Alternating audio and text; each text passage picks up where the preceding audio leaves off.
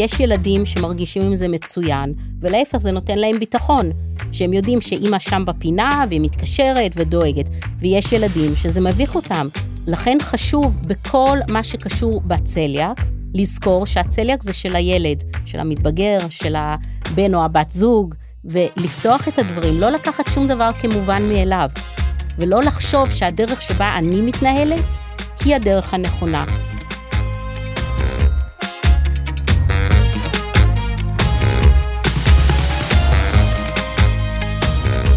שלום דוקטור סוניה מאיר. שלום דן. מה שלומך? הכל בסדר. זה פודקאסט ראשון שאת מקליטה אי פעם. נכון. אז לא להיות לחוצים. קצת לחוצה, אבל תודה על ההזמנה ועל ההזדמנות. אז בואי ספרי, דוקטור סוניה מאיר, אנחנו מכירים כבר אלו שנים, בואי תספרי נכון. למאזינים, מי את? אז אני סוניה, ואני מרפאה בעיסוק. אני מרצה וחוקרת במחלקה לריפוי בעיסוק באוניברסיטת אריאל. אני נחשפתי לעולם של הצליאק בשנת 2007, לפני הרבה שנים, כאשר אחד משלושת הבנים שלי אובחן עם צליאק. וכך בעצם נכנסתי לתוך עולם הצליאק.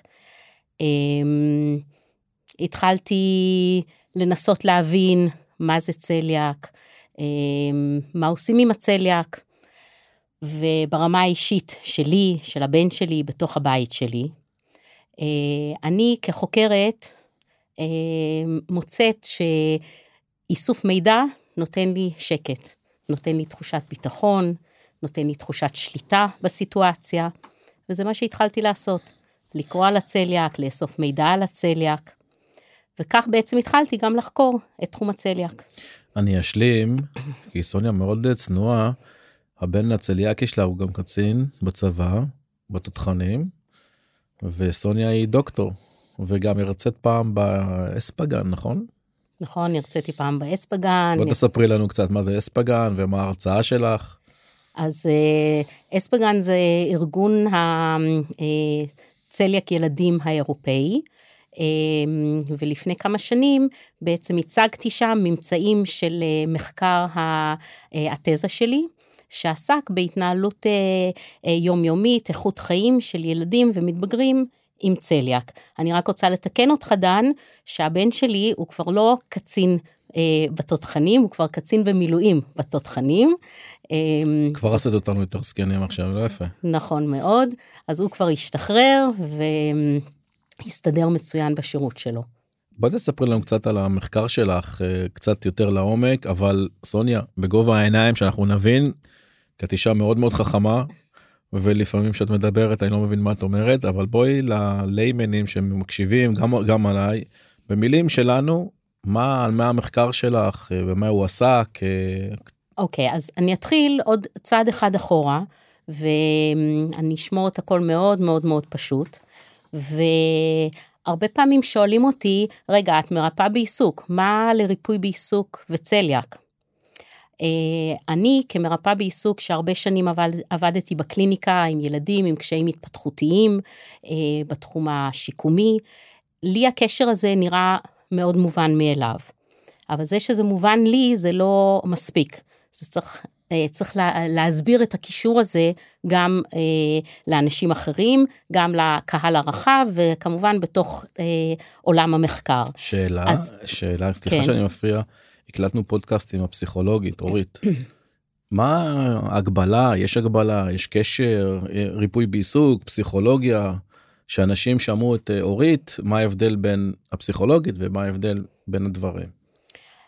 אוקיי okay, אז אלה שני מקצועות שונים כמו שיש אה, מגוון רחב של מקצועות אה, טיפוליים. אה, פסיכולוגיה זה מקצוע מכובד ועם תחומי העיסוק שלהם. ריפוי בעיסוק זה מקצוע, אחד ממקצועות הבריאות, אה, יחד עם פיזיותרפיה, אה, קלינאות תקשורת ועוד. ואנחנו בעצם עוסקים בריפוי בעיסוק בתפקוד היומיומי של האדם. המטרה, מטרת העל של הריפוי בעיסוק זה להביא את האדם, כל אדם בכל גיל, עם כל מצב רפואי, בריאותי, אה, שיש, גם בטווח של האנשים שהם בריאים לגמרי, לתפקוד מיטבי, עצמאי כמה שיותר. בכל הגילאים כאילו? כל בכל גילאים. הגילאים יש מרפאות ומרפאים בעיסוק שעובדים החל מפגיות ועד לאנשים אה, אה, זקנים וכל מה שבאמצע. התחום שלי זה תחום בעיקר של ילדים ומתבגרים. סליחה הפרעתי לך בזה של המחקר. אוקיי, אז, אני אז טוב. בלהפריע לפעמים. אה, אני מכירה אותך טוב דן. אה, אז הריפוי בעיסוק כפי שאמרתי זה מקצוע שמתמקד בעיסוקים ובהשתתפות של אנשים בכל מיני תחומי חיים. אה, כל מיני עיסוקים שהאדם צריך ורוצה אה, לעשות אותם בתוך סביבות החיים השונות של אותו אדם. מה, מה, מה קורה עם צליאק? אז אנשים עם צליאק צריכים ורוצים להשתתף בכל מיני עיסוקי חיים. אה, בסביבות השונות, בבית, בבית ספר, בסביבה החברתית, אה, כל זה תוך כדי שהם נמנעים מגלוטן. אז מבחינתי הקישור הוא מאוד מאוד מובן מאליו בין הריפוי בעיסוק להתנהלות היומיומית עם צליאק. יש אה, משהו ספציפי בוא בוא נתעשה drill down לדוגמה יש אני מניח שיש הבדלים בין אה, עד גיל מסוים ומגיל מסוים אה, בוא ניגע בשלושת הגילאים כאילו עד גיל הטיפש עשרה אפשר להגיד מגיל הטיפש עשרה ואחרי צבא. יש אה, יש אה, דברים זהים אני מניח יש דברים שונים. בואי תגיעי בכל גיל אחד אה, כזה שהמאזינים שיש להם ילדים בטווחים שונים או מבוגרים יכולים אה, אוקיי, אז אני מעדיפה לא לקרוא לגיל ההתבגרות גיל הטיפש עשרה, אני נותנת המון המון כבוד לגיל ההתבגרות, זו תקופה מאוד משמעותית בהתפתחות של האדם, המעבר מגיל הילדות, הכנה לקראת גיל הבגרות, ופעם ב... הייתה מין תפיסה כזאת שילדים הם ילדים ואז הם נהיים מבוגרים. היום בעצם יודעים שכל התקופה הזאת של גיל ההתבגרות, כלומר יודעים את זה גם בתוך עולם הרפואה, שיש אה, את השנים האלה של המעבר, שהוא לא פשוט מתרחש. אה, עוברים גם על המתבגר, גם על ההורים של המתבגר, וגם בתחום הרפואה, כל הצוותים הרפואיים והמטפלים חייבים להיות מודעים לזה שיש את התהליכים האלה שעוברים, אה, וצריכים להתאים את ההתייחסות למתבגרים האלה. בתהליך הזה, המאוד משמעותי בחיים, שהוא אחד המעברים הכי הכי חשובים ומשמעותיים בחיים, אה, המתבגר לומד בהדרגה להתרחק מההורים. אם דיברת על השלבים השונים של הילדות, אז באמת גילאים אה, אה, בהקשר של צליאק, ילדים שהם מאוד צעירים, הילדים הם אלה שמנהלים את הצליאק שלהם. אה, מארגנים אותם, מכינים אותם, קופסאות, בודקים עם הגננת, בודקים עם המורה. כשמגיעים לגיל 16, זה פחות מתאים שאימא מרימה טלפון למורה אה, כדי לברר מה יהיה ב- באירוע בבית ספר. יש לי שאלה בנושא הזה ספציפי. האם את ממליצה להורים let it go מה שנקרא ולתת לילדים להת- להתנהל לבד או עדיין להתערב להם בפעילות שלהם וההתמודדות שלהם ביום יום אם זה בבית ספר או אחר הצהריים. ההמלצה המאוד מאוד חמה שלי זה לאפשר בגיל ההתבגרות לילדים להתבגר, להתנסות בעצמם, לרכוש מיומנויות של עצמאות, של לנהל את המצב הבריאותי שלהם. הצליאק הוא קודם כל שלהם, ולא של ההורים. והילדים האלה, אנחנו יודעים שצליאק זה לכל החיים. הילדים האלה, הצליאק שלהם זה שלהם מהרגע שהם מאובחנים וה- ועד אין סוף. והגיל הזה של גיל ההתבגרות הוא שלב קריטי בלאפשר לילדים לקחת את הניהול, לקחת את המושכות, להתנסות, ולפעמים הם לא יצליחו ויצטרכו לפנות ולבקש עזרה. בשביל זה ההורים שם, כדי לתת את העזרה, לתת את העצה, בצורה שמתאימה לאותו מתבגר. ולפעמים הם ייכשלו, לפעמים הם יגיעו לא מוכנים לאירוע. ואז הם צריכים להתמודד אני מוכרח לציין ואז שאני- הם צריכים להתמודד, כן. ויכול להיות שהם יתמודדו בצורה טובה יותר, ויכול להיות שהם יתמודדו בצורה טובה פחות, אבל זה התפקיד שלנו כהורים, כמו גם בכל אה, התמודדות אחרת שהיא לא קשורה לצליאק. את יודעת אבל ההורים לפעמים אה, את יודעת אני יחסית גדול של לפעמים של כישלונות כי רק מכישלונות לומדים רק מכישלונות קמים. אבל יש הורים שלוקחים את זה מעצימים את הכישלון בצורה שלילית. ולכן חשוב מאוד שהורים יבינו את המשמעות של גיל ההתבגרות, שזה הזמן לאפשר לילדים לרכוש עצמאות, לחיים בוגרים עצמאיים. ואם לא מאפשרים את ההזדמנויות להתנסות, אה, לטעות, לבחור את הדרך ש, שמתאימה להם, למתבגר ולא להורה, אז איפה הילדים יתנסו בהתנסויות האלה? אני מוכרח לציין שבהמשך לדברים שלך, באיזשהו שלב הבת שלי אמרה, אבא, תפסיק, אני, אני בסדר, אני מסתדרת, אם אני ארצה עזרה אני אפנה אליך. באותו רגע לקחתי חמש צעדים אחורה ובאמת. אה, ואחד המשימות הקשות כהורה זה לקחת צעד אחורה. שוב, לא רק בצליאק, אבל זה גם בצליאק, כי הצליאק זה עוד אתגר, עוד התמודדות שהמתבגרים האלה צריכים להתמודד איתם בתוך כל מרחב החיים שלהם כמתבגרים. אולי נעשה פודקאסט uh, let it go להורים ששחררו קצת החבל.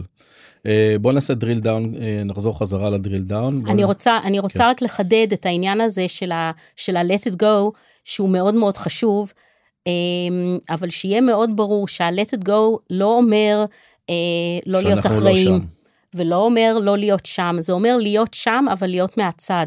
זה אומר להיות שם, להקשיב לצרכים של, ה, של המתבגר ושל המתבגרת. אה, מה מתאים להם, כי לא כל מה שנראה דרך העיניים שלנו כהורים בוגרים, הם רואים באותו אופן. והדבר הכי הכי חשוב, במיוחד בגיל ההתבגרות, זה לאפשר להם ולהקשיב להם ולשאול אותם. ולפעמים הם ירצו לשתף ולפעמים הם לא ירצו לשתף. אבל אם אנחנו כהורים ננסה אה, להכריח את המתבגרים שלנו להתנהל באופן מסוים, הרי אנחנו יודעים גם בלי קשר לצליאק, זה לא עובד. גיל ההתבגרות זה גיל של חיפוש אה, האני העצמי, גיבוש הזהות העצמית. מי שהכי חשוב בגיל הזה זה החברים, הסביבה החברתית, ולא ההורים. יש אה, סביבה חברתית שהיא מאוד מחבקת וסביבה חברתית שהיא פחות. מה יש לכם? פחות. בוא נגיד ככה. השתמשת במילים יותר עדינות ממה שרציתי אבל אני זורם איתך. כשהסביבה היא מחבקת אין פה זה זה טוב לכולם זה טוב אין התמודדות הילד מכיל הילד מעריך החברים שלו. אבל הנקודה היא שה... מה, מה קורה עם הסביבה של המתבגר כרגע? אנחנו מדברים, היא לא מכילה. והיא לא מתחשבת והולכים למקום שאין שם אה, אוכל בדרך כלל זה תמיד יוצאים ואוכלים כולם ביחד. איך הילד מתמודד איך המתבגר מתבגרת מתמודדים עם זה. אה, זאת שאלה מצוינת אה, דן ואין תשובה אחת נכונה כי מה שיתאים למתבגר אחד לא יתאים למתבגר אחר, ומה שיתאים לקבוצה חברתית מסוימת לא יתאים לקבוצה חברתית אחרת. ולכן אני חוזרת על מה שאמרתי כבר, שמה שחשוב זה לשאול, זה לדבר עם המתבגר, ולנסות לזהות איפה מוקד הקושי. האם הקושי של אותו מתבגר זה שהחברים, אה, שהוא מנסה לשתף את החברים, מנסה לבקש והם לא מקשיבים לו? האם אולי אותו מתבגר מרגיש לא בנוח לפתוח את הפה ולהגיד, אני מבקש ללכת למקום כזה וכזה.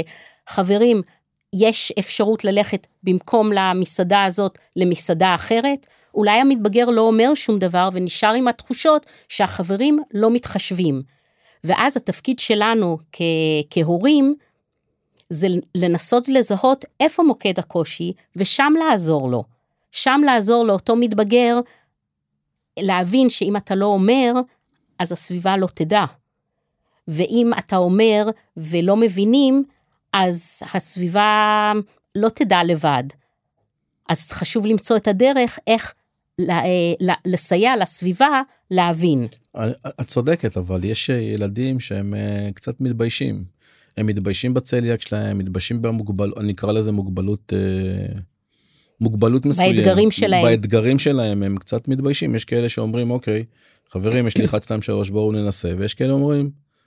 מכילים והולכים למסעדה ויושבים ולא אוכלים כלום או שושבים רק איזה מיץ או משהו. וזה בדיוק המקום שלנו כ, כבוגרים כהורים לזהות את הקושי הזה עכשיו יכול להיות שמישהו יש מתבגר שאין לו שום בעיה עם, זו, עם זה נוח לו אני הולך, העיקר שאני הולך, לא משנה לי בכלל שאני לא אוכל, מרגיש עם זה בנוח מאוד. יכול להיות שלהורה זה מאוד מפריע, שאותו מתבגר יוצא ורק אה, שותה משהו ולא אוכל שום דבר, אבל המתבגר מרגיש עם זה הכי הכי בנוח. המתבגר גם... אה, ויכול להיות כן, שזה סליחה. מתבגר שצריך שם עזרה. עזרה באיך ליזום, באיך ליצור את התקשורת הזאת מול הסביבה החברתית שלו. וכדי לא להגיע למצב שהמתבגר יבחר, טוב, עדיף לי לא ללכת. ואז בעצם כאן זה מתחבר שוב פעם לריפוי בעיסוק, כי בריפוי בעיסוק אנחנו מעודדים השתתפות. וברגע שאנחנו רואים סיטואציה שהמתבגר בוחר מאיזושהי סיבה לא להשתתף, אז חשוב למצוא מה הסיבה ולנסות לעזור לו להגביר את מידת ההשתתפות שלו. כלומר את ממליצה לעודד את הילד, אה, בשב... ב... אה, לעודד את הילד לדבר ולשתף את כל ה- אחד זה. למצוא קודם מה מוקד הקושי, כי יכול להיות שאני אחשוב, וואו, הוא לא מדבר והוא לא אומר שום דבר ולכן החברים לא מתחשבים בו, אבל בכלל, דרך העיניים שלו, זה יושב על משהו אחר לחלוטין. אוקיי. ואז חשוב לנו לשאול, לשאול את המתבגר, ולא בשנייה לפני שהוא יוצא עכשיו עם חברים, ולשבת לו על הראש ואז דיברת ואמרת ושאלת, אלא בנחת, למצוא את הזמן של האחד על אחד, או אולי במפגש משפחתי, למצוא את הזמן המתאים שהמתבגר ירגיש בנוח כדי להעלות את הנושא הזה. כדי למצוא איפה מוקד הקושי ושם לעזור. כי מה שיתאים לאחד לא יתאים לאחר.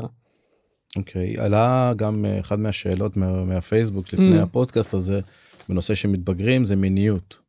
צליאק, מיניות, תעשי את ההקשר, כי וואלה, גם אני לא יודע. אוקיי, אז אה, אני לא רופאה, אבל כן יש אה, הרבה ידע לגבי אה, צליאק כאשר הוא לא מטופל, כשלא שומרים על דיאטה, וההשלכות על פוריות למשל, גם אצל גברים וגם אצל נשים. אז זה חלק אחד של הנושא של המיניות. ההקשר האחר נכנס ב... אה, בהקשר של, אה, אה, של זוגיות ומה קורה כשאני גיל ההתבגרות זה גיל שמתחילים להכיר לצאת, עם קבוצות של, של חברים עם בני בנות זוג ומה לעשות שהאוכל נכנס בכל מקום בחיינו. ואז נכנס פה העניין של אוכל והאם זה משפיע על ה... כשיוצאים לדייטים ואוכל ושתייה ו... ומה קורה כשאוכלים ואחר כך אה, אם רוצים להתנשק אז אה, אם יש גלוטן בפה ואין גלוטן בפה אז בהקשר הזה זה כן יכול להשפיע. ושוב כמו שדיברתי על הדברים האחרים של אה, כשיושבים במסעדה אז גם כאן זה מאוד מאוד תלוי באופן שבו כל אחד מנהל את הצליאק שלו והאם הצליאק ימנע ממנו או יגרום לאיזשהו חשש אה, לצאת עם אה, ולפתח זוגיות או שזה עוד משהו שקיים כמו עוד אה, מגוון אה, אה, אה, איכויות וש, שיש ל, לאותו, לאותו בן אדם ושצריכים לעשות כל מיני להסתגל להתאים כמו בכל זוגיות. את חושבת שבגלל שיש למישהו צליאק או למישהו יש צליאק אז פחות מתחילים איתו או פחות אה, אה, רוצים לצאת איתו או את, החברה, את הקרבה שלו? אני חושבת שיש אנשים ש... אמ, זה מרתיע אותו? שזה לא הסביבה, שיש אנשים הסביבה. עם, עם, עם צליאק שהם מרגישים פחות בנוח, ויש אנשים עם צליאק שרואים את הצליאק כעוד משהו שלי והם מתנהלים עם זה. אני אה, אה, אוהב לאכול חצילים או לא אוהב לאכול חצילים ואני אני לא אוהב חצילים דרך אגב. אני הרבה שנים לא אהבתי חצילים ובשנים האחרונות התחלתי לאכול גם חצילים. אה, אז אלה הצרכים התזונתיים שלי וזה חלק ממי שאני. אה, אבל יש בהחלט אנשים ושזה כן מכביד עליהם ו... ומקשה עליהם ו... והופך להיות אה, גורם משמעותי ב... ביצירת קשרים אה, זוגיים. מה התוצאות של הר- ההשפעות של הרגשיות האלה של ילד שהוא מרגיש שהוא פחות מכולם? אם אין אפשר לקרוא לזה ככה כמובן. אה, אני לא אקרא לזה אה, ילד שהוא פחות מכולם, נקרא לזה שוב בשפה שלי כמרפאה בעיסוק, ילד שהוא פחות משתתף, שהוא פחות לוקח חלק, או שהוא נמצא נוכח בתוך הפעילות, אבל לא לוקח חלק פעיל כי הוא מרגיש תמיד שהוא בצד או שהוא אחר. זה לא חייב להיות ככה. יש ילדים עם צליאק שמרגישים ככה, ויש הרבה מאוד ילדים ומתבגרים ובוגרים עם צליאק, שהצליאק זה עוד משהו, והם מתנהלים בצורה מיטבית ומצוינת עם הצליאק שלהם. ואם אנחנו מדברים על גיל ההתבגרות, אז זה לצאת עם חברים, לצאת לטיולים שנתיים, לצאת למחנות קיץ של אה, תנועות הנוער, אה, וכמובן כל הנושא של הגיוס לצבא. אה, שיש שמתמודדים טוב יותר ויש שמתמודדים טוב פחות. וזה לפני שאנחנו מדברים בכלל על, ה, על הסביבה ומה האחריות של הסביבה לדבר הזה. אני מדברת פה על האחריות האישית של, של כל אחד ואחד ועל היכולות של כל אחד ואחד לנהל את המצב הבריאותי. אם הילד לא עושה את זה וההורה לא יכול אה, לתקשר את זה או אז את ממליצה שיבואו לריפוי בעיסוק בנושא הספציפי הזה? זה החזון שלי. כיום אה, אין שירות כזה שמוצע. אני כחוקרת מאוד משתדלת אה, לחקור ולפרסם את המחקרים שאני עושה, בתקווה לעשות איזשהו שינוי, אה, שגם הריפוי בעיסוק יהיה חלק מצוות רב מקצועי שמטפל אה, ומעורב בתוך מעקב אחר ילדים, מתבגרים ובוגרים עם צליאק, כי אני כן מרגישה שיש את ההתמודדויות האלה שפעמים רבות נופלות בין הכיסאות. כי הצליאק מאובחן, אה, יודעים מה צריך ומה לא צריך לעשות, מה צריך לאכול, מה לא צריך לאכול, אבל בסופו של דבר האדם עם הצליאק הולך הביתה, לסביבה שלו, למשפחה שלו, לחברים שלו, לעבודה שלו, לכל ההתמודדויות שלו, ועכשיו נשאר האיך, איך אני עושה את זה. גם אם אני יודע מה מותר ומה אסור לי, בתכלס, איך אני עושה את זה. והריפוי בעיסוק עוסק באיך. ועכשיו נגענו בגיל ההתבגרות, סוגריים פה 16. אה, בוא נחזור טיפה יותר אה, אחורה. ממתי ריפוי בעיסוק, מאיזה גיל ריפוי בעיסוק מתחיל למעשה? גיל שנה זה פחות, או גיל שלוש, ארבע? בכל מיני תחומים? לא, בצליאק, בנושא של הצליאק. אני מאמינה שהריפוי בעיסוק יכול אמ, לתת, לסייע בכל גיל, גם בהקשר של הצליאק, כי אתה מכיר הרבה מאוד ילדים צעירים עם צליאק, וגם ילדים שהם בגיל הגן, יודעים בהדרגה לזהות מה מותר להם, מה אסור להם, ברגע שמתחילים לזהות אה, את שלב האוריינות בגן, לזהות אותיות, לזהות סמלים, מה זה הסמל של, ה, של החיטה עם הקו? אני צוחק כי אני זוכר כמה פעמים שהבת שלי תיקנה אותי על הדברים האלה ומאוד הייתי גאה בזה כאילו נתתי נכון. לה להשתתף ושעשינו קניות וואלה שחררתי אותה בסופר ואמרתי לה עכשיו תדאגי ל-1 2 3 ותדאגי שהכל יהיה ללא גלוטן. אז כל הכבוד לך דן כי זאת באמת הדרך להתחיל מגיל צעיר לבנות את העצמאות הזאת ואת ניהול המחלה שלה. איזה פעולות חוץ מהסופר שאני העליתי אפשר אה, זה זה בכל מקום שיש לנו אוכל בחיים שלנו שזה באמת בכל דבר אז זה בסופר זה בזמן ארוחות בבית אחד הדברים למשל שנתקלים בארוחות בבית, בטח בתחילת הצליאק, זה הנושא של הזיהום המשני והסכין בתוך, ה, אה, בתוך הגבינה הלבנה וכן מורחים ו, אמ, ולא מורחים על הלחם. גם זה ילדים עם צליאק אמ, לומדים, יכולים ללמוד מגיל צעיר, לשים לב מה אחרים עושים, לשים לב אם מישהו טעה. אם אה, יש אורח בבית שלא ידע ולא שם לב, והם יודעים אה, לשים לב לטעויות האלה ולשמור על עצמם, ולהגיד ולהעיר, אז אלה דברים שכדאי מאוד לעודד אותם. אבל זה הגיל שההורים מאוד מעורבים. אבל לפעמים יש מעורבות יתר, יש, אה, את יודעת, איך אני אקרא לזה? לחץ על הילדים לחץ על הסביבה להתקשר לגננת להתקשר למורה להתקשר לוועד הורים להתקשר להנהגת הורים והכל סביב אוכל והכל. אבל הילד לא מרגיש נבוך מכל הנושא הזה.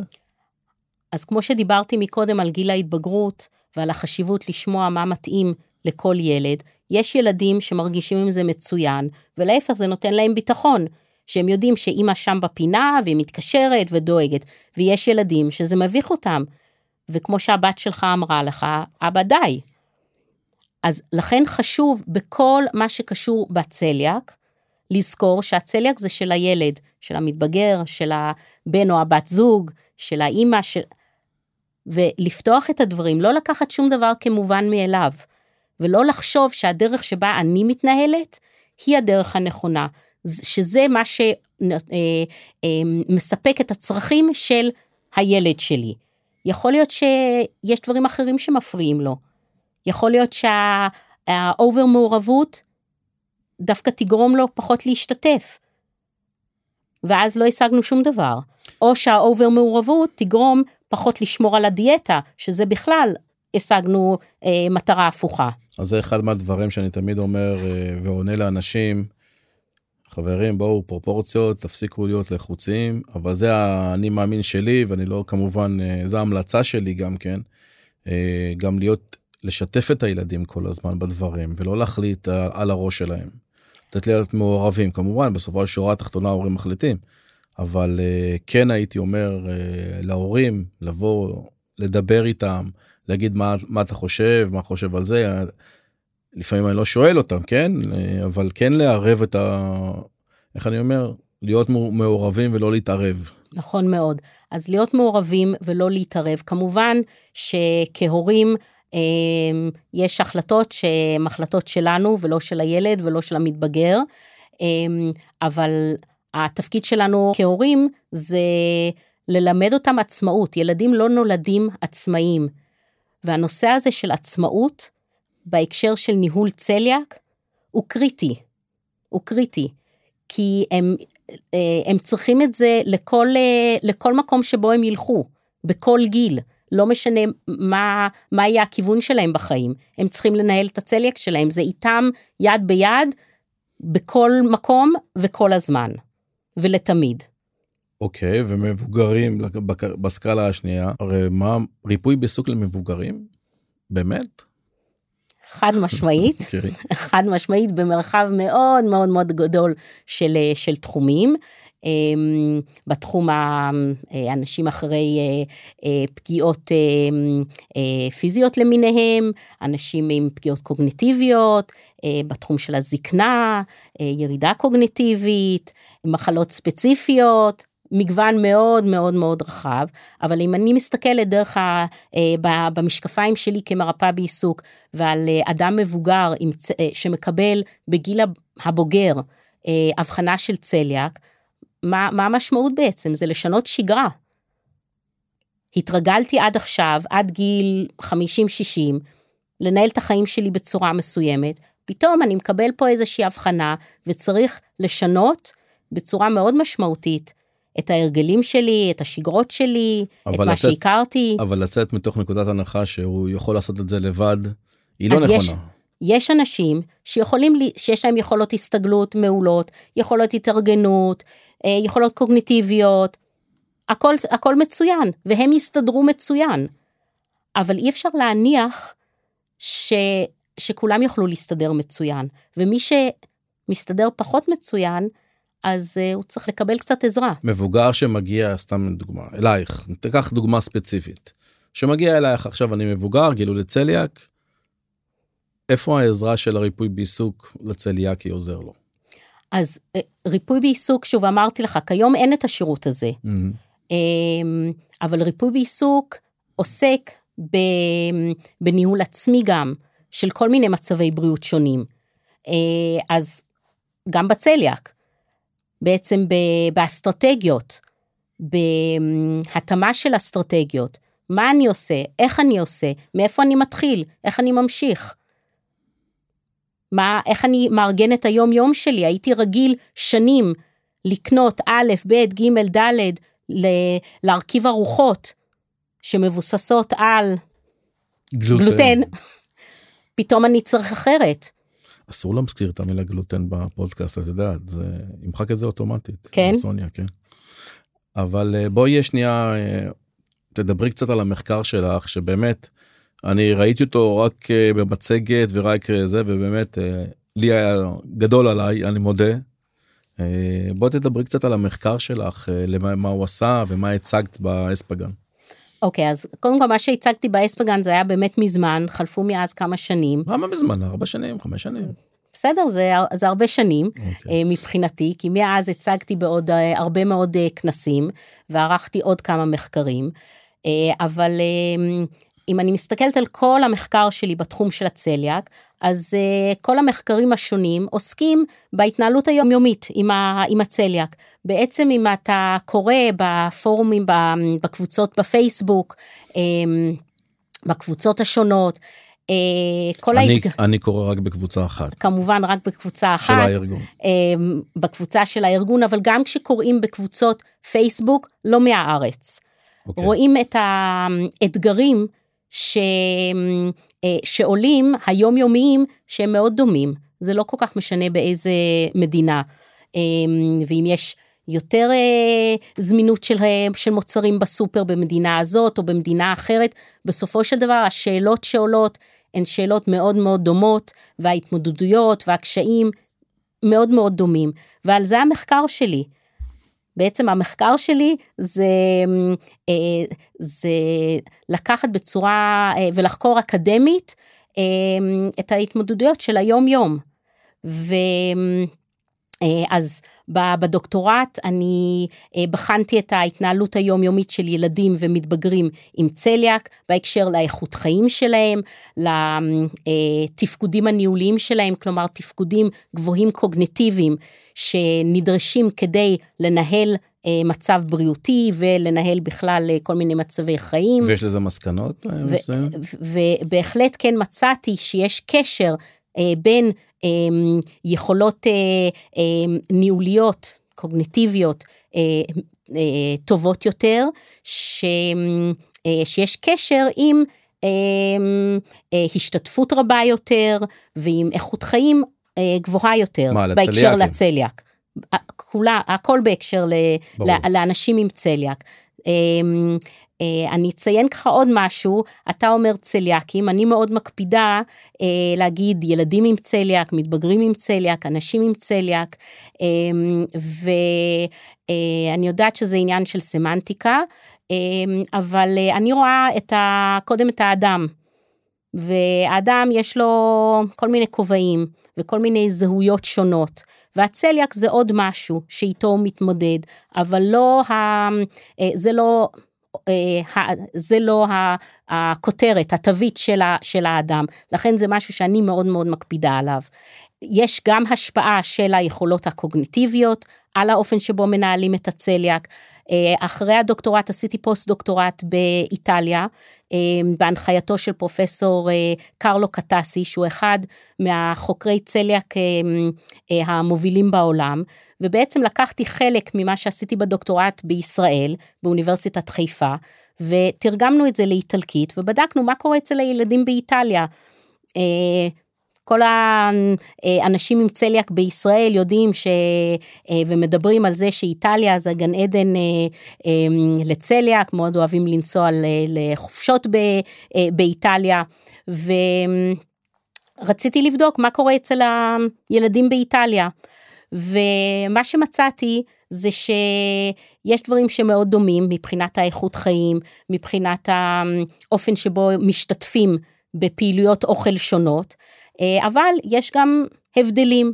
ואחד ההבדלים המעניינים שמצאתי זה שהילדים באיטליה נהנים יותר להשתתף בפעילויות אוכל לעומת הילדים בישראל, אבל הילדים בישראל הם גם יותר עצמאיים בהיערכות שלהם כדי להשתתף, כלומר לוקחים על עצמם יותר אחריות וגם יותר חשוב להם להיות עצמאים אה, ושלא יעשו עבורם לעומת הילדים באיטליה.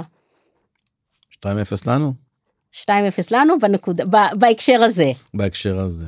אוקיי, כן. גם ב- בכל הגילאים או גם מבוגרים? המחקר הזה נעשה בהקשר של, של ילדים ו, ומתבגרים. אני לא יודעת להגיד לגבי, ה, לגבי המבוגרים. זה אנחנו נעשה מחקר אחר כך.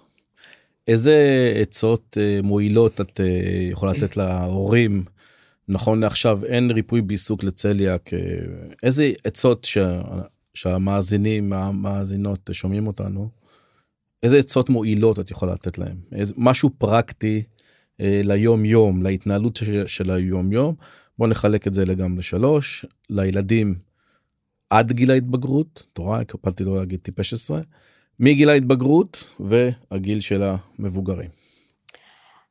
אמ, העצה הפרקטית שאני יכולה לתת זה אמ, להקשיב לילדים, לא משנה באיזה גיל הם, גם כשהם רק מתחילים לדבר וגם להקשיב לשפה הלא מילולית שלהם, לשפת גוף שלהם, לג'סטות שלהם, לתגובות שלהם, אמ, ולעזור להם בעצם ללמוד, לרכוש את המיומנויות כדי לנהל את. הצליאק שלהם, לסמוך על הילדים, לאפשר לילדים לפעמים לטעות ולקבל בחירה שהיא לא נכונה, אה, לא בלאכול גלוטן, אבל בלהערך בצורה לא נכונה, אז ככה הם לומדים להערך בצורה טובה יותר בפעם הבאה. אה, זה נכון גם לגבי ילדים שהם צעירים, להתחיל בקטנה, כמו שאתה אמרת, לאפשר אה, בסופר, בזמן שמכינים אוכל בבית, בסביבה הקרובה יותר עם המשפחה הקרובה. בגיל ההתבגרות, אמ, להקשיב לצרכים שלהם, אמ, לעזור להם, לשאול אותם איפה יש איזשהו מכשול, מה עוצר אותך, מה מגביל, מה מקשה. מה, מה אני כהורה יכולה לעזור לך, כי יכול להיות שהם לא רוצים את העזרה שלנו. אמ, ולאנשים מבוגרים, אמ, העצה שלי היא לדבר עם הסביבה, לא להרגיש שאתם לבד עם הצליאק שלכם. הרבה פעמים המשפחה, החברים, הקולגות לעבודה, הם, הם רוצים לעזור, הם רוצים להבין יותר, אבל הם לא, הם, הם לא יודעים. אז תשתפו, תדברו על זה. אה, אל תניחו שמישהו יודע ובוחר לא לעזור או לא להתחשב. הרבה פעמים אנשים פשוט לא יודעים, גם אני פעם לא ידעתי מה זה צליאק. כשאני קיבלתי את ההבחנה של הבן שלי, נכנסתי לגוגל כדי אה, להבין מה זה הדבר הזה. אני מוכרח לציין את העובדה, אה, אני אמרנו את זה בפודקאסטים האחרים שלנו, שיש לנו תוכנית של ליווי משפחות, אפשר להיכנס לאפליקציה שנקראת חופשי מגלוטנת, היא חינמית לכולם. אה, אפשר לשלוח שם מייל אה, לליווי אה, משפחה. אנחנו מצוותים משפחות של לפחות שנתיים עם צליאק, ללוות מבוגרים, משפחות מחברה ואזורים. מי שמנהלת את זאת היא חברת ועד שלנו, ויקי, ואני מאוד ממליץ שתכתבו לנו מייל. גם בנושא הזה יש לי שאלה אלייך, מה, האם את רואה את ההקשר של מישהו שמלווה מבוגר מבוגר בוא עכשיו אני אגרע ספציפית למבוגר שמבוגר מלווה מבוגר. זה טוב זה רע זה אולי אנחנו עושים משהו לא טוב אני לא יודע. אף פעם לא נגעתי בנושא הזה תמיד חשבתי על משפחות וילדים לא חשבתי על מבוגרים שמאבחנים מאובחנים עם צליאק בגיל מבוגר. אני חושבת שיש אנשים שמאובחנים בגיל המבוגר, שזה יכול מאוד לסייע להם, ויש אנשים שלא ירגישו שהם זקוקים לזה אה, בכלל, ואז הם לא, לא ירצו להיעזר אה, בפונקציה כזאת. בגלל שהם מתביישים או בגלל שהם אה, לא... אה... או כי מתביישים או כי אין להם צורך בזה, שיש להם יכולות ניהול מצוינות והם מסתדרים. אה, אבל אני חושבת שלהציע סיוע כזה, ליווי כזה, אוזן קשבת, איזושהי הכוונה, יכול להיות רעיון מצוין, כדי לאפשר לאנשים לא להרגיש לבד. אני מוכרח לציין שגם בנופש האחרון שעשינו, נופש של המבוגרים, ראיתי שם דברים שלא האמנתי. אה, וזה היה מאוד אה, נחמד לי לראות את המבוגרים יושבים, מדברים. וברמה אחרת בדרך כלל אני רגיל לראות אה, הורים עם לילדים ו... אבל פתאום ראיתי מבוגרים שמדברים על צליאק בצורה שונה. וזה הפליא אותי וזה הימם אותי כאילו לא ציפיתי לזה. סוניה לקראת סיום אה, בואי אה, תגידי עוד עצות מועילות תחשבי לי כמה עצות מועילות לתת להורים לאנשים מבוגרים שהם מאובחנים כי בדרך כלל אנחנו תמיד אומרים שמאובחנים צליאק השמיים נופלים עלינו. אני שונא את המשפט הזה אני לא אוהב את המשפט הזה למרות שגם זה קורה לפעמים אבל מהר מאוד אנחנו מנסים להעביר אותו. יש איזה משהו שקורה להורים או למבוגרים שאומרים להם יש לכם צליאק. כי למעשה ברגע שהוא יוצא מה... מהחדר של הרופא הוא נשאר בריק אנחנו מנסים מה שנקרא לתפוס אותו במסע לקוח ולתת לו איזשהו אה, מצנח אה, אה, נחיתה שיהיה רך יותר. אה, איפה את חושבת שהם יכולים אה, לעזור לעצמם או לעזור אה, לעזור אה, בכלל לילדים או, לעצמם סליחה. אני מאמינה ש... אה, שחשוב לזכור שאחד יקבל את ההבחנה וירגיש שהשמיים נפלו. אחד ירגיש אחרת. להגיד למישהו שחש שהשמיים נפלו, אתה מגזים והשמיים לא נפלו, זה לא מה שעוזר. כי מבחינתו באותו רגע השמיים נפלו, ויכול להיות שבעוד חודש או בעוד שנתיים הוא יסתכל אחורה ויגיד באמת השמיים לא נפלו. אבל אותו אדם, ברגע שקיבל את ההבחנה, או אותו ילד ברגע שהוא נמצא בתוך, אה, באירוע, וחילקו פיצה ולא נקניקייה כמו שהוא חשב שיהיה, מבחינתו יכול להיות שהוא לא יתייחס לזה וידפדף את זה הלאה, ויכול להיות שהוא ירגיש שהשמיים נפלו. להגיד לאדם בסיטואציה כזאת, אל תילחץ, זה הדבר שהכי הכי לא, לא עוזר. זה רק מכניס עוד יותר ללחץ. והדבר שיכול לעזור זה להבין את האדם מהמקום שהוא נמצא בו, ולהיות שם איתו, אה, ולנסות לעזור לצאת מהמקום הזה, אבל להיות בגובה העיניים של אותו אדם. מאוד מאוד חשוב בהקשר של הצליאק, אה, אה, לשמור על צניעות מול האדם שמתמודד. כל אחד חווה נקודות אחרות בתוך, אה, כקושי מאוד משמעותי. בגלל אה, הסביבות שלו, בגלל התרבות שלו, בגלל כל כך הרבה גורמים. ומה שקורה אצלי בבית לא קורה אצלך בבית, ולא קורה אצל מישהו אחר ב... אה, באירוע שבו הוא נמצא, ולכן חשוב לשאול ולהבין מה, מה הנקודה, מה גורם לך, למה נפלו השמיים. לא לקבל את זה שנפלו השמיים כי ההבחנה היא צליאק, אלא למה.